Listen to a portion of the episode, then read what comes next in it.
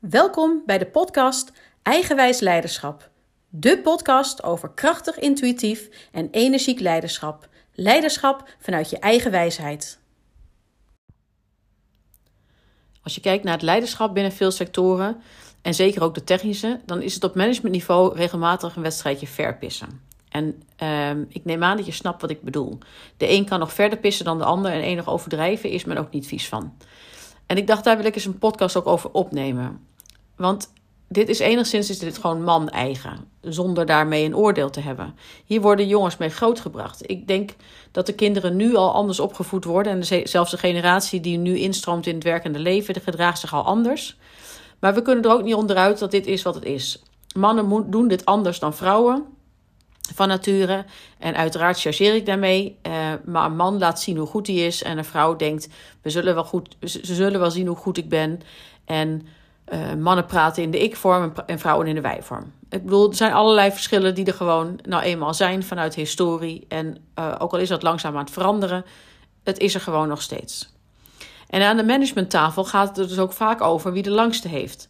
Weet je, het gaat, je laat jezelf sterk zien en van je sterkste kant laat je jezelf zien en een gevoel wordt zelden of niet getoond. En uh, tegelijkertijd is dat dus, juist met de veranderende wereld, uh, mijn inziens best ingewikkeld.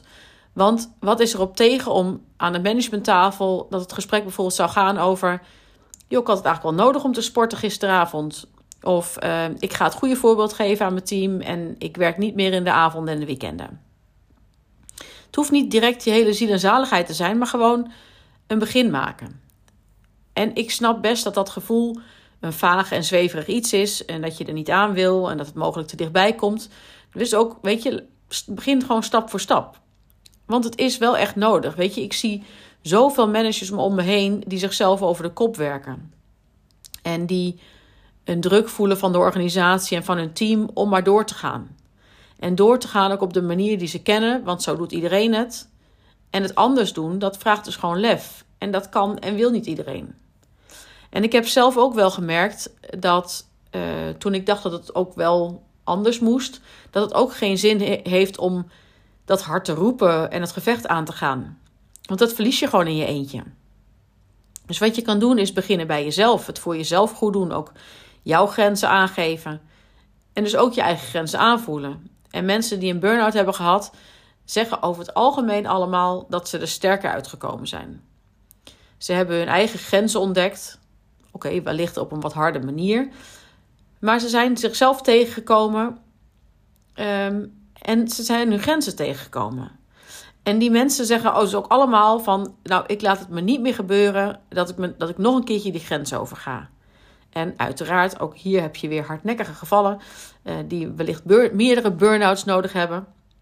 Maar hoe zou het zijn wanneer je het niet nodig hebt... om eerst een burn-out te hebben om jezelf te leren kennen? Want weet je, dat is uiteindelijk natuurlijk waar het over gaat. Want wie ben jij? Wat maakt jou uniek? Wat maakt je authentiek? Kan je trots zijn op jezelf? En, en ook de keerzijde, weet je, kan je ook je eigen valkuilen zien. En soms kom je wel eens in situaties waarvan je denkt: huh, hoe ben ik hier nou beland? Je hebt ineens strijd met een bepaalde collega en het gaat ineens hard tegen hard.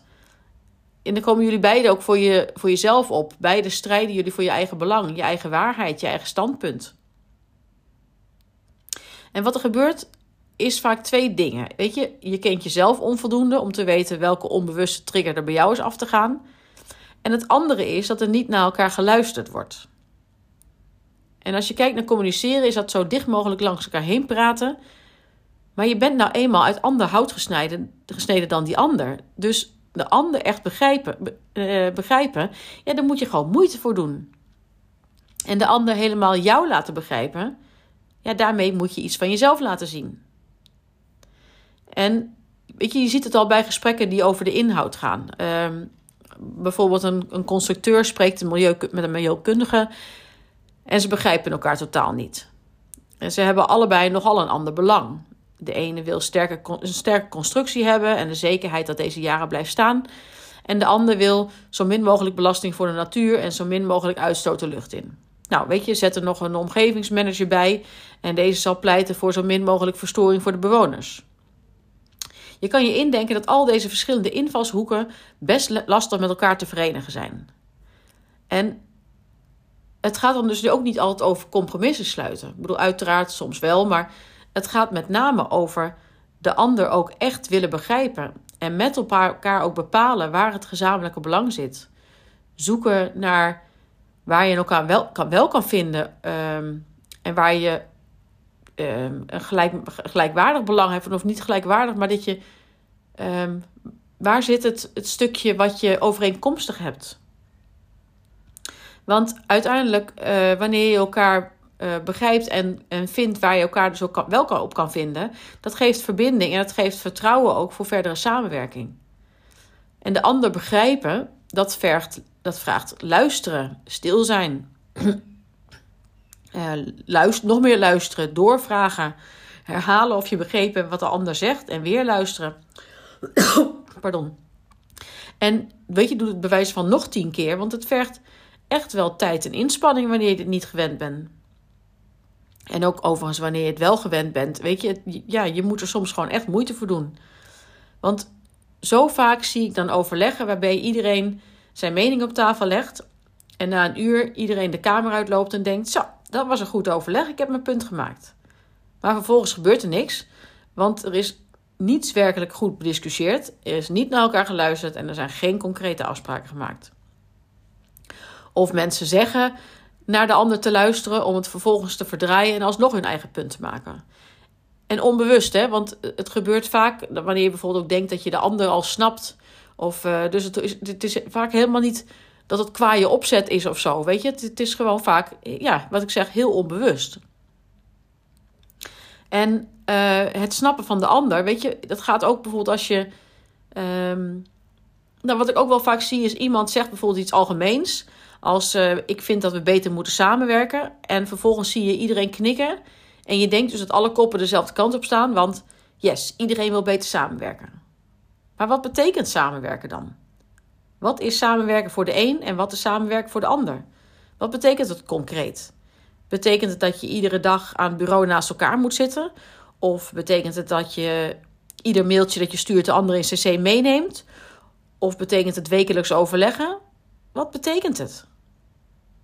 En wanneer je daar dus ook het gesprek met elkaar over aangaat, dan zal je ook zien dat het voor iedereen anders is.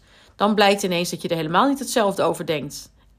En op dat moment kan er dus, dus die frictie ontstaan, want ja, we willen toch allebei beter samenwerken. Zo lukt het totaal niet. Nee, dat klopt. Want samenwerken gaat niet over ieder je visie op tafel gooien. Samenwerken gaat over echt communiceren met elkaar.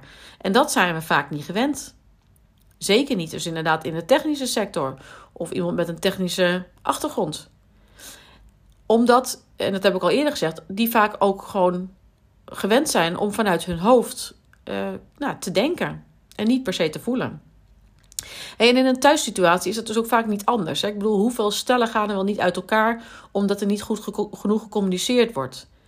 En wat is dat dan, goede communicatie? Wat verwacht jij van de ander en wat verwacht de ander van jou? En is dat over een week of een maand of een jaar nog hetzelfde? Want weet je, de ander kan niet aanvoelen wat jij denkt of wat je voelt. Wanneer de ander goed bij zichzelf kan komen, dan komt hij wellicht een heel eind. Maar de ander is niet jij en jij bent niet de ander. Jullie zijn allebei andere personen en dat maakt dat jullie anders denken, anders voelen. Zelfs je broer of zus die dezelfde opvoeding heeft gehad, dezelfde ouders, die is niet jij. Zelfs één eigen tweelingen zijn niet dezelfde persoon. Dus laat staan ook uh, degene met een totaal andere achtergrond dan jij. En of het nou dus ook gaat over de inhoud of iets persoonlijks, probeer de ander te begrijpen. Beweeg naar de ander toe en laat de ander dus ook naar jou toe bewegen. En wanneer de ander bijvoorbeeld doorvraagt op uh, waarom je pleit voor een bepaalde oplossing, dus inhoud of niet, dat, daar gaat het niet eens om, dan kan dat ook voor jezelf best een interessant gesprek worden. Want misschien kom je er wel achter dat je opkomt voor een bepaald belang waarvan je niet eens wist dat het erachter zat. Of ontdek je juist dat het over iets heel anders gaat. En het vergt dus ook wel van jezelf om open te staan voor wat er gebeurt. En ja, ook dat kan best wel spannend zijn. Maar begin daarin ook dus inderdaad met iets kleins en doe het stap voor stap. Begin bij wijze van met een technisch probleem, iets werkgerelateerd. Want Nou, ik begon mijn verhaal in deze podcast begon ik met, uh, dat, met dat wedstrijdje verpissen. En dat gaat vaak dus over een ego, een stukje ego wat gelijk wil hebben. Maar nou ja, gelijk hebben is nog altijd niet gelijk krijgen. En je kan zelf uh, volledig van mening zijn dat je gelijk hebt. En je wil geen strobreed toegeven. Maar als de ander dat ook doet, dan bereik je niets. En nou, dat heb je ongetwijfeld ook wel eens meegemaakt. En nou ja, mogelijk, uh, als je het hard genoeg brengt, dan buigt de ander.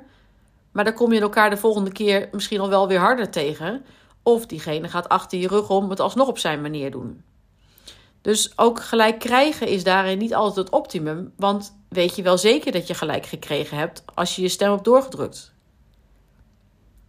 Uiteindelijk is een breed gedragen idee natuurlijk veel sterker dan een opgelegde mening. Een stuk toekomstbestendiger en veel meer kans dat er uiteindelijk ook echt iets mee gedaan wordt. Dat er ook werkelijk verandering komt. En het, nou ja, dat vergt dus inderdaad wel investeren. Het vergt tijd en energie uh, op de korte termijn. Maar uiteindelijk uh, zoveel meer winst en resultaat op de lange termijn. En dat is ook uh, mijn inzicht waar het in nieuw leiderschap om gaat. Het op de lange termijn om samenwerking en verbinding, om gelijkwaardigheid als mens. Het gaat over ieders kwaliteiten onderkennen, ieders kennis en ervaring toepassen. En de ander niet afvakkelen omdat hij minder ervaring heeft dan jij, omdat hij een andere mening heeft, omdat hij anders uitgerust is dan jij. Het gaat, ja, weet je, probeer te luisteren naar de ander en probeer te ontdekken bij jezelf waarom, het, waarom jij een bepaalde sterke mening hebt. Het gaat ook over horen en gehoord worden, zien en gezien worden. Dus, nou ja, ik hoop dat ik je met deze podcast ook geïnspireerd heb en nou, misschien kun je het ook gewoon eens uitproberen. Weet je, luister morgen eens anders naar je collega. Vraag eens door met een open blik, met een nieuwsgierigheid naar de ander. En dat is sowieso wel gaaf. Hè? Ik bedoel, als je ook kijkt naar jonge kinderen, die hebben van zichzelf nogal een. Die hebben een open blik en die nieuwsgierigheid. Ik bedoel, de, de, de, de kinderen die constant met de waarom-vraag komen. En op een gegeven moment, ik bedoel, als je dat als volwassene gaat doen, dan wordt het wellicht wat irritant als je constant aan je collega vraagt: waarom? Waarom? Waarom doe je dit? Waarom doe je dat? Maar het gaat er inderdaad wel over om, het, om de ander dus inderdaad te proberen te begrijpen. Wat maakt dat je dat zo doet? Goh, wat interessant. En wat maakt dat je dat niet op de andere manier doet? Oh ja, oké. Want uiteindelijk breng je misschien de ander ook op ideeën en inzichten. Als je het maar ook doet vanuit een oprechte, oprechte interesse. En dus niet om de ander te overtuigen van jouw mening. Want dat voelt de ander ongetwijfeld. En dan krijg je nou ja, situaties uh, zoals je, je hakken in het zand zetten. En dan bereik je dus inderdaad niet wat je, wat je zou willen bereiken. En um, nou ja, dan bereik je dat stukje hart tegen hart, waar je uiteindelijk uh, geen van beide um, nou ja, met plezier uitkomt. Dat uiteindelijk ja, vergt dat alleen maar verliezers. Dus nou ja, um, heel verhaal. Ik ben heel benieuwd of uh, het je geïnspireerd heeft. Laat me dat ook even weten. En nou, ga morgen dus eventjes anders naar je collega of anders naar je partner. Ga daar eens anders naar luisteren. En ga kijken wat dat uh, doet met het gesprek. Um, heel veel plezier. Vind je het leuk om me verder te volgen? Anders gezegd, wil je niets van me missen? Abonneer je dan op mijn podcast. Ik ben sowieso erg benieuwd wat je van mijn podcast vindt. En ik zou het enorm waarderen wanneer je een review achterlaat. Tot snel!